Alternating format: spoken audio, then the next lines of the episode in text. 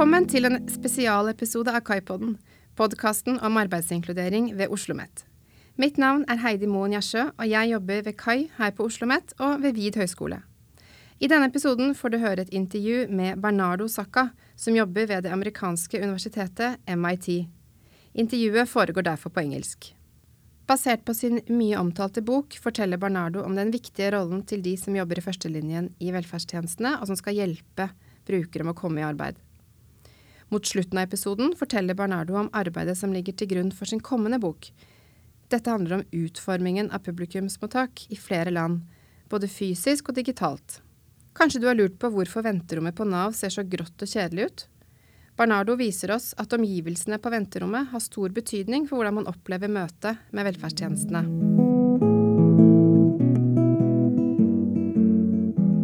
Welcome, Bernardo.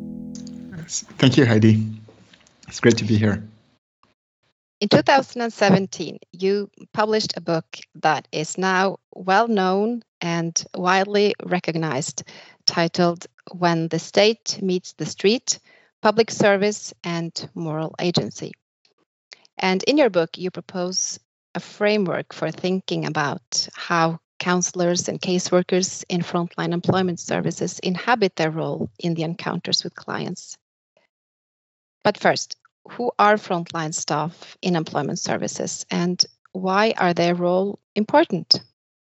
so by frontline staff in um, em- employment agencies, welfare agencies in general, uh, we're really sort of trying to, to refer to a broad category of workers, some of whom belong to various professional backgrounds, but who are effectively the kind of people you meet when you interact with the state.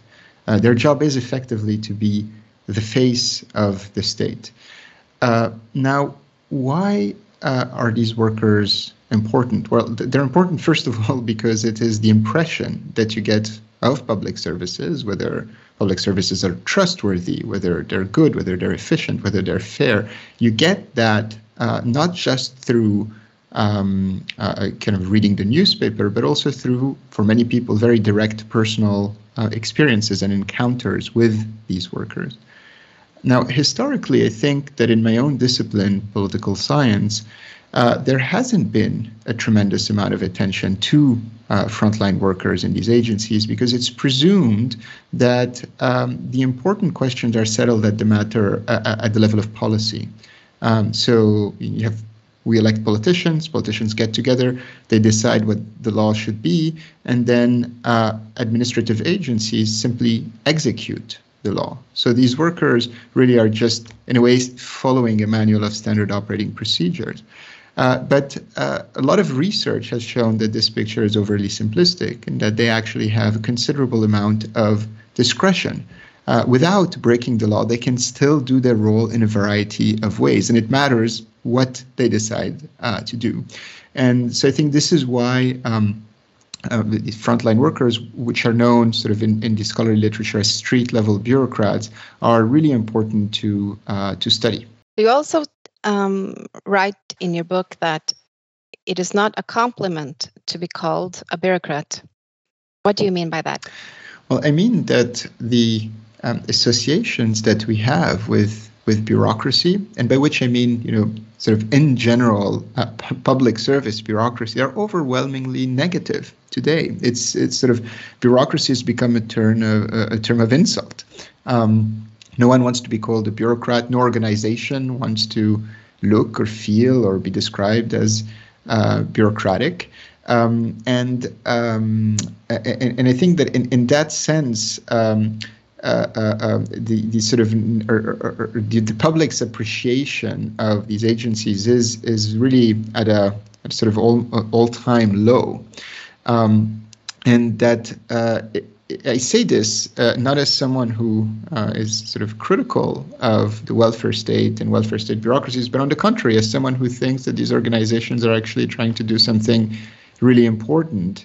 Um, and that it's important to understand why they are the way they are, what sort of shortcomings they have, and to find ways to continue um, holding on to some of the, the, the promises that they were designed to um, to honor.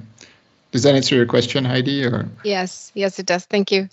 Um, yeah, and you also you started to talk about the, their um, degree of uh, of discretion in implementing the laws and the policies, um, and you also write about how this um, discretion um, also includes some ambiguities in their in their uh, work, um, and that they have demands that they need to fulfill in their role, which is uh, efficiency, responsiveness, fairness, and respect. Can you um, explain a little more about um, these demands that face the, the, the frontline workers and, and why um, and what, what are challenging about, about them?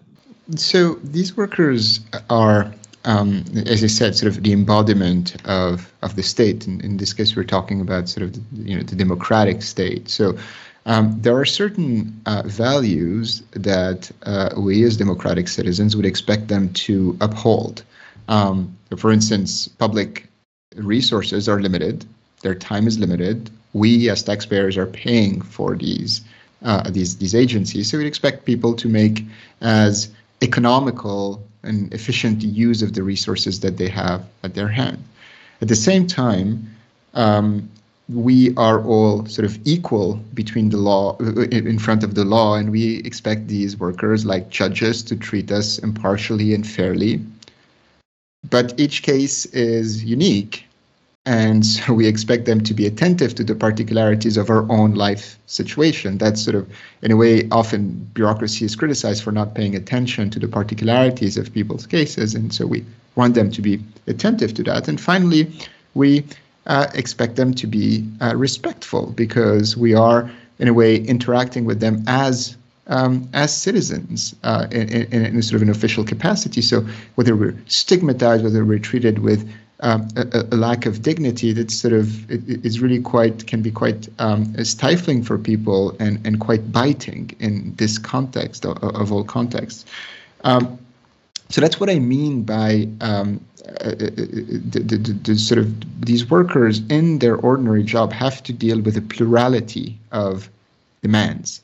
Uh, I call them normative demands. They're basically values that they should uphold. The problem is that these values often point in competing directions. Um, so imagine you have a waiting room with a lot of people. Well, if you want to um, treat them uh, to see them all, you may not be able to get very deep into anyone's sort of part- the particularities of anyone's case into their life stories. If you want to be responsive to them, you may not have the capacity to replicate that responsiveness for all of the people who are there. And that gets in the way of the requirement of fairness.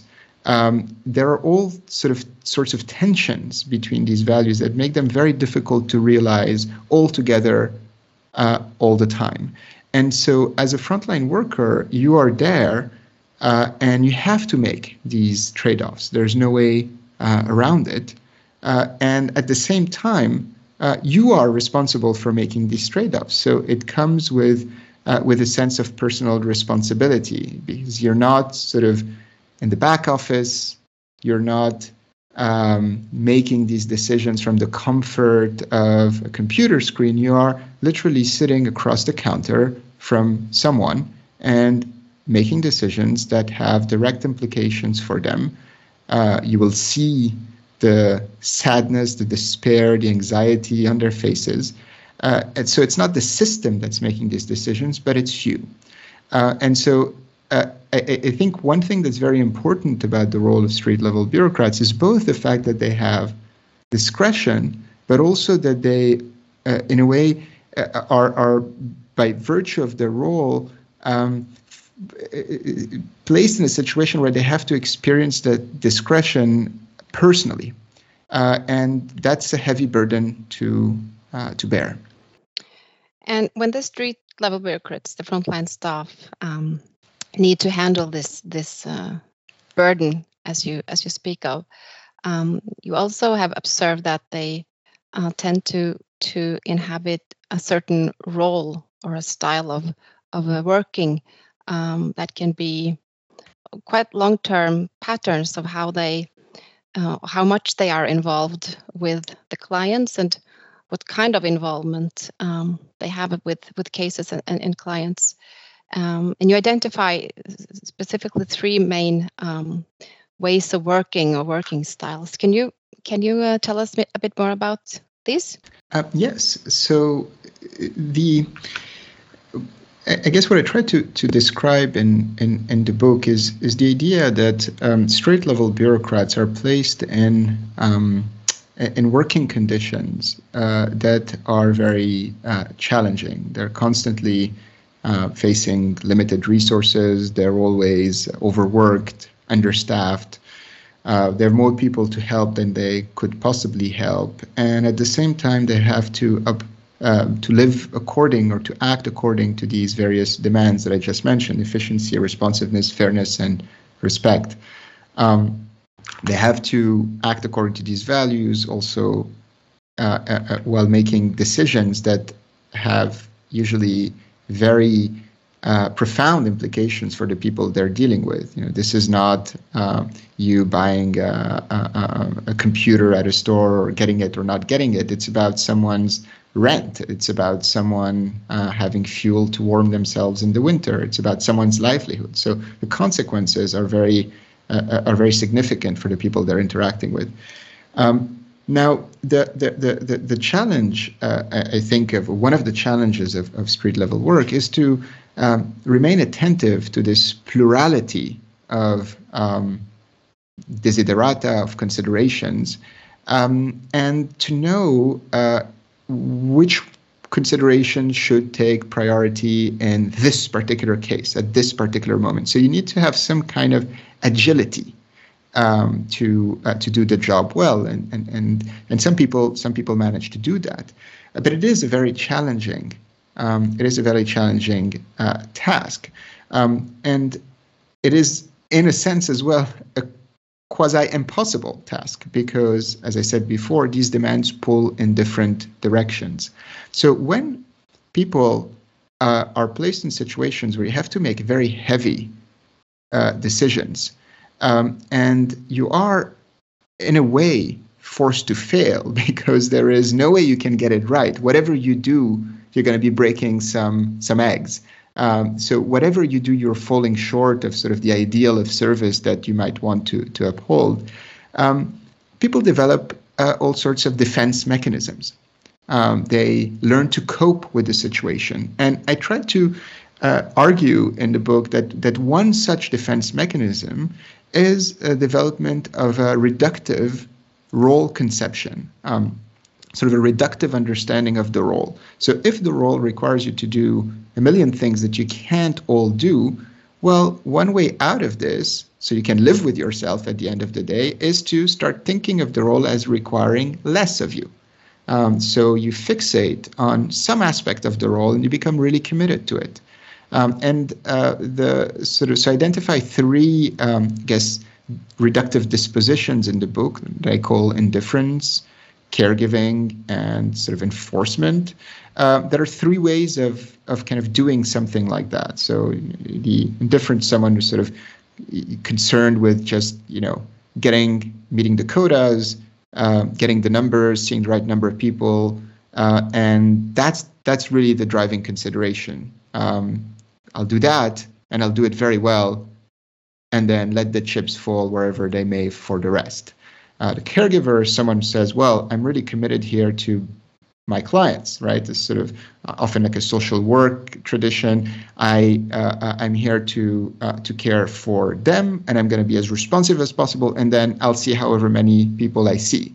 Um, and the enforcer is someone who sort of says, well, no, here I'm a guardian of state resources, and I'm supposed to be impartial, to be really sort of fair among people. I'm going to make sure that no one cheats the system, that no one um, is trying to take advantage. I'm going to be sort of really enforcing the rules, and um, the rest, you know, again, uh, wh- whatever happens on the other considerations, I'll be willing to accept that. And I um, think that these uh, these responses um, are are troubling because the very reason why we give street level bureaucrats discretion in the first place is to allow them to particularize their judgment to the particular situations that they're dealing with. And if they've already committed themselves to one kind of disposition, it's as if they had decided what to do before encountering uh, encountering the particular situation. Uh, and yet, I think it would be mistaken in a situation like this to sort of put the blame squarely on the street level bureaucrats and to say, you know, you're not doing your job right. Part of the reason that I, I try to show they're driven towards these coping mechanisms is because of the working conditions in which they are placed. Um, so that's, I think, sort of an important uh, uh an important point uh, that even though these are uh, sort of dispositions that might be troubling at the individual level doesn't necessarily mean that the, the solution is only an individual level um, solution. So, take for example the, uh, the, the caregiver who, as you explained, um, pays special attention to the clients um, and invest uh, much time uh, in them. What is the what is the, the, the pitfall of such as a way of working or approaching the clients? Well, the, the pitfall of such a way of working is, is simply that there are, um, you know, as any as anyone I think who's been in, in, in these roles would would tell you, uh, that there are times when um, you are also a custodian of other values. Um, it's a very time-consuming way of working. It's a way of working that cannot be scaled up to the number of cases you're supposed to to see. You're meeting too many people to be able to do that all the time. It's a way of working that um, also um, sometimes um, inclines you uh, towards making exceptions for people and not quite sort of protecting uh, the rules from from potential free riders or in, in ways that might over time sort of lessen public support for the kind of institution that you're part of and that you actually care about.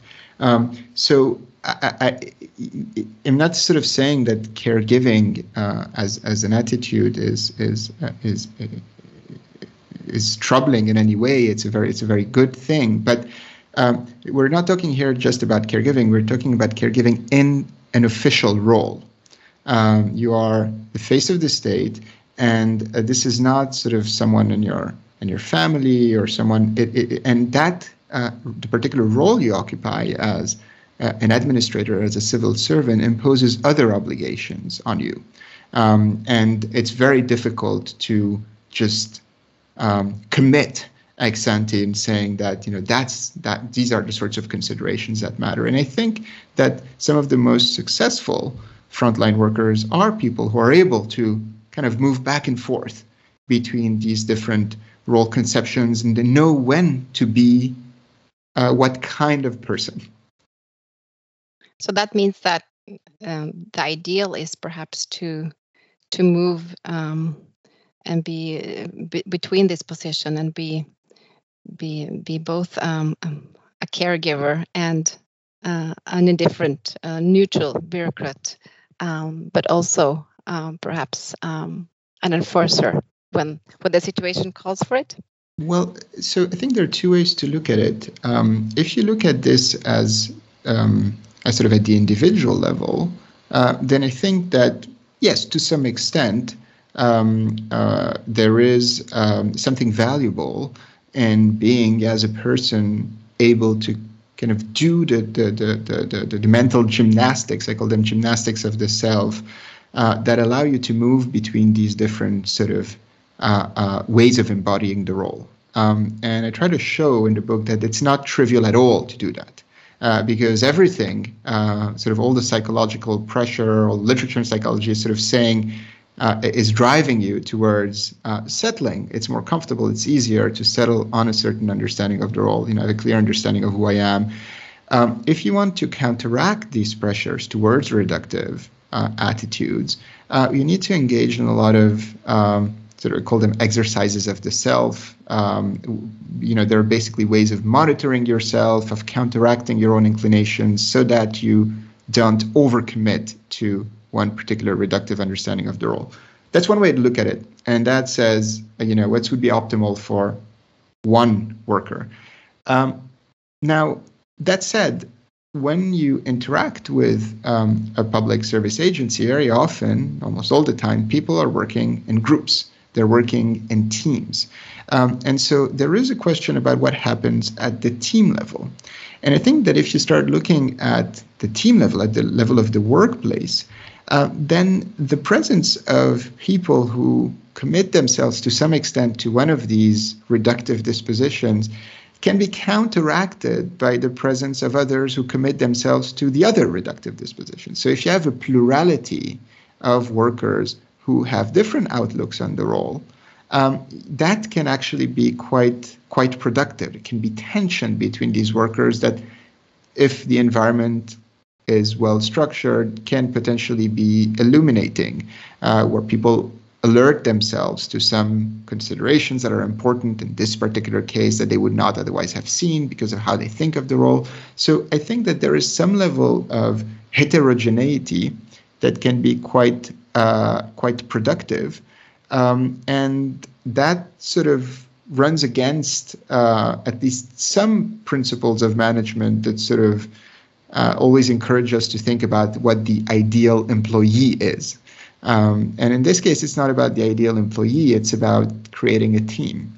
Uh, and that team could have people who are not sort of, you know, the most balanced of characters, uh, provided that they have to work with each other, they have to interact with each other, that they don't just ignore each other and work in their corners. That could be quite quite healthy at the organizational level. So this is team um, meetings where where frontline staff should discuss not just cases, but how they handle cases. Um, and this could be also um, an issue for, for management, as you say, um, and perhaps also in, in the education of, of frontline staff.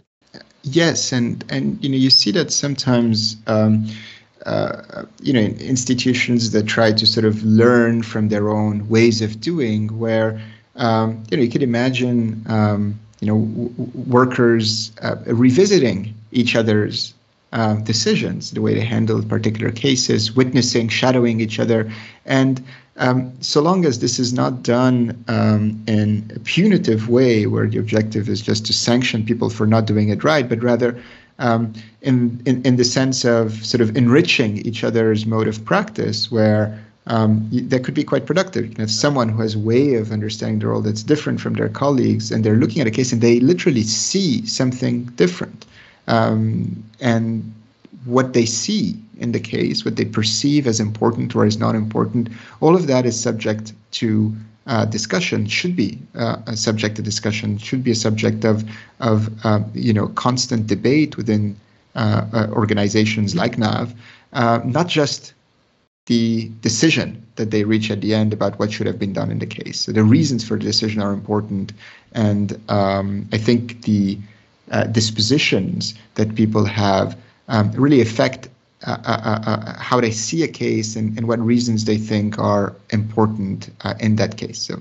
Yes, so you you you write about the the that moderation um, is a key in, in the sense that um, frontline staff should not be too involved or not too withdrawn uh, and not too compassionate or not and, and also not too involved. So so so moderation is key and and everyday um, practices in, in teams or, or, or exercises um, reflection in groups um, can can contribute to adjust these dispositions or, or, or tendencies or how to handle uh, cases and uh, and people's situations. So this was very interesting to learn more about.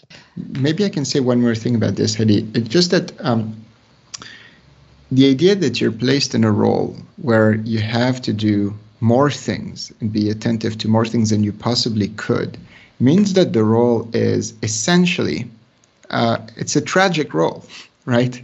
And you uh, sort of coming out of your workday, as a lot of the people I interviewed did, feeling like you somehow didn't get it right and being troubled, um, that's an indication not that you failed to do your job well, but that you're actually still doing it right because you uh, uh, are aware of the things that you traded off and and they kind of they stay with you. So that's why these jobs i think are really demanding uh, and why you know we as a society should be extremely grateful to street level bureaucrats for, for the burden of making these decisions for for for for, for doing this in our name. Um, and uh, th- that's what I meant by by sort of uh, when I say that sort of moderation is is important because if um, you, you kind of uh, uh, imagine someone who, who enters a street level bureaucracy working in this environment and is sort of perfectly at peace with themselves and and, and sort of uh, uh, uh feels like you know they haven't sacrificed anything important in the course of doing their job. That's a very worrying thing. Uh, and and so um, so this isn't um, this isn't the kind of job, or at least I'm arguing, where uh, you know having a kind of high-minded vocation uh, and, and and and sort of a purity of the soul is uh, is um, uh, is the right sort of attitude. On the contrary, you are getting your hands dirty all the time, and you must know how to live responsibly with that and to continue being troubled by that and to go on doing this day in day out day in day out and that's really i think the moral challenge of uh, of uh, of the job and and why you know I, I basically you know uh, uh in, in, this case sort of emerged from my work with you know tremendous amount of admiration for frontline workers and appreciation for what they do that I hadn't quite noticed or seen from uh, from the outside. Well, this is a very uh, interesting and, and also important contribution uh, with your book. I would like to move on to to your current project that you are working on. Um, you study another aspect of the encounter between the state and the citizen, focusing on the interior architecture of public employment offices, and in particular the physical waiting rooms um, this is a project that appeared to emphasize the encounter more from a citizen's perspective, perhaps. Can you tell us uh, more about why the architecture of waiting rooms are important? Why should we care about them? Well, if you think about it, the welfare state is really a great uh, gatherer, brings together a lot of people together on a daily basis in all these waiting rooms and corridors and offices.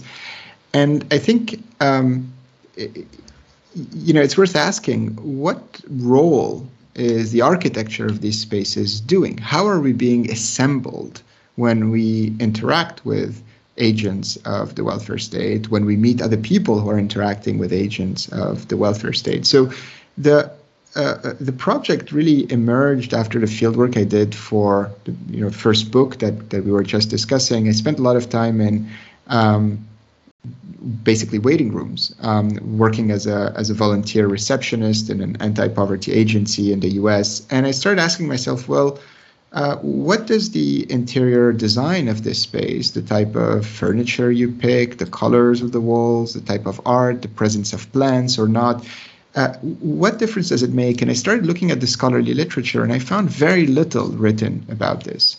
Um, you have a lot of um, people writing about architecture and, and government, but it's usually about this sort of very representational spaces or symbolic spaces like parliaments or, tribunals or monumental architecture, or alternatively, it's about disciplinary institutions like the prison, the asylum. Uh, but these more ordinary spaces where a lot of our encounters with the state take place, there's very little written about them. Um, and so I um, I started studying them, and what caught my attention is the following. Uh, we, if I ask you now to sort of close your eyes and imagine a bureaucratic space, it's very likely that you'll imagine something like a, lot of people imagine, like you know, long uh, rows of uh, desks, endless rows of desks with uh, fluorescent lighting, very cold, very impersonal spaces. Um, and in many parts of the world, that's not how bureaucracy looks like anymore. It has stopped looking like that for quite a long time. And it's stopped looking like that in part because that's the perception that people had of it. Um, so I try to show that governments were, from the very beginning, aware of the negative image that these spaces had and tried to invest themselves in rejuvenating them, refreshing them, and making them appear better. Now, how you do that uh, is is really the, the what what is at the core of, of of the book, and I try to show that in different countries, they tried to uh, refresh their image by drawing on inspiration from different types of spaces. So in the UK, for instance, they try to uh, uh, rejuvenate their job centers by uh, uh, drawing inspiration from retail. Going to make them like supermarkets in the 70s, and now we're going to make them like banks in the 2000s. Um, in Denmark, they draw inspiration from the realm of hospitality. We're going to sort of make them more home like, more like coffee shops, more welcoming. And in the US, they draw inspiration from very generic sort of office architecture. We're going to try to make them as in, inconspicuous. If they don't stand out, they couldn't be stigmatizing. Um, so I try to basically retell that story uh, and try to use it as a way to think about, um, I think, a more fundamental question, which is what should we demand? What should we want of an interface between state and society? Because that's what these offices are. Uh, and I think it's an important question now that a lot of these interactions are moving online because a website is also an interface. So what can we learn about these new interfaces website uh, websites uh, from the old interfaces, uh, uh, um, namely uh, you know in, in buildings, um, and um, yeah, so that that's basically the, the, the kind of project I'm at work on now. That's very interesting. Um, the the NAV offices that I've visited um, appear as as modern and, and accessible, um, but also standardized with rows of identical chairs uh, lined up, uh, TV screens, monitors with information, and kind of it kind of resembles sometimes air, airport waiting zones, like very so they're very neutral, very standardized, but also very accessible um, and, and, neutral. You also uh, have been looking at how these waiting rooms have evolved over time, as you as you mentioned. Can you say something uh, more about this? Uh, yes, of course, um, and, and, maybe I can use um, as an example in this case um, uh, the UK, which I think is sort of is a, is a good is a good case study. Um, one thing you uh, you notice if you look at uh, the evolution of, of a public employment office uh, over sort of the long 20th century is that they start out being uh, places where um, people go um, in a mass. Um, so you effectively have a big hall um, that's divided in two by a long counter. And on one side, you have staff members, and on the other, you have uh, claimants or citizens who are sort of uh, waiting together um, the spaces tend to be quite uh, loud because people talk to each other as they wait, and they tend to lack privacy. Everyone is sort of uh, looking at what's happening to the person in front of them.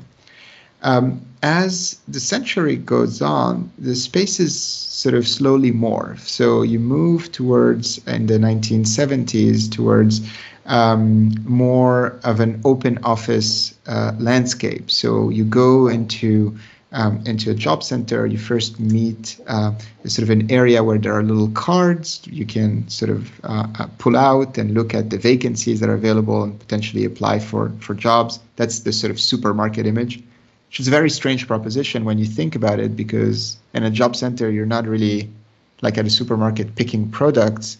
You're not buying, you're the one being sold. Uh, so it's, it's a bit of a strange inversion.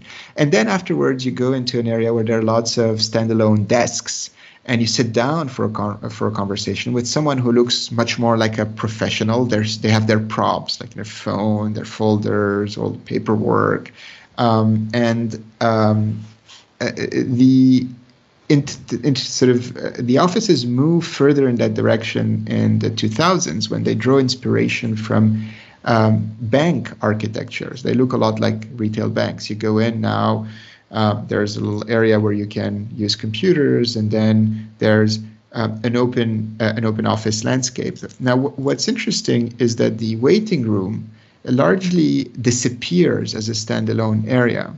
Um, there are a few chairs at the entrance, but most of the waiting happens in places that are scattered throughout the office. People waiting in groups of two to three chairs in various places. And they're often oriented in different directions. What they're looking at, the space doesn't have a clear focal point. And one thing that I find quite um, sort of uh, arresting is that um, an interaction which used to be very public with the state in the sense that you would go as part of a large group of people, you would talk to other people, you would all observe what happens in front of you, how people are treated by agents of the state, is transformed over the course of the century into an interaction that's much more private in the sense that you go in alone, you sit down alone, at most there's one person next to you. You're looking in a direction that's different from everyone else so you don't have this you're not witnessing something together. And then you exit and you go back home. And a lot of the waiting is now happening at home or you wait for someone to call you or for an email to reach your inbox.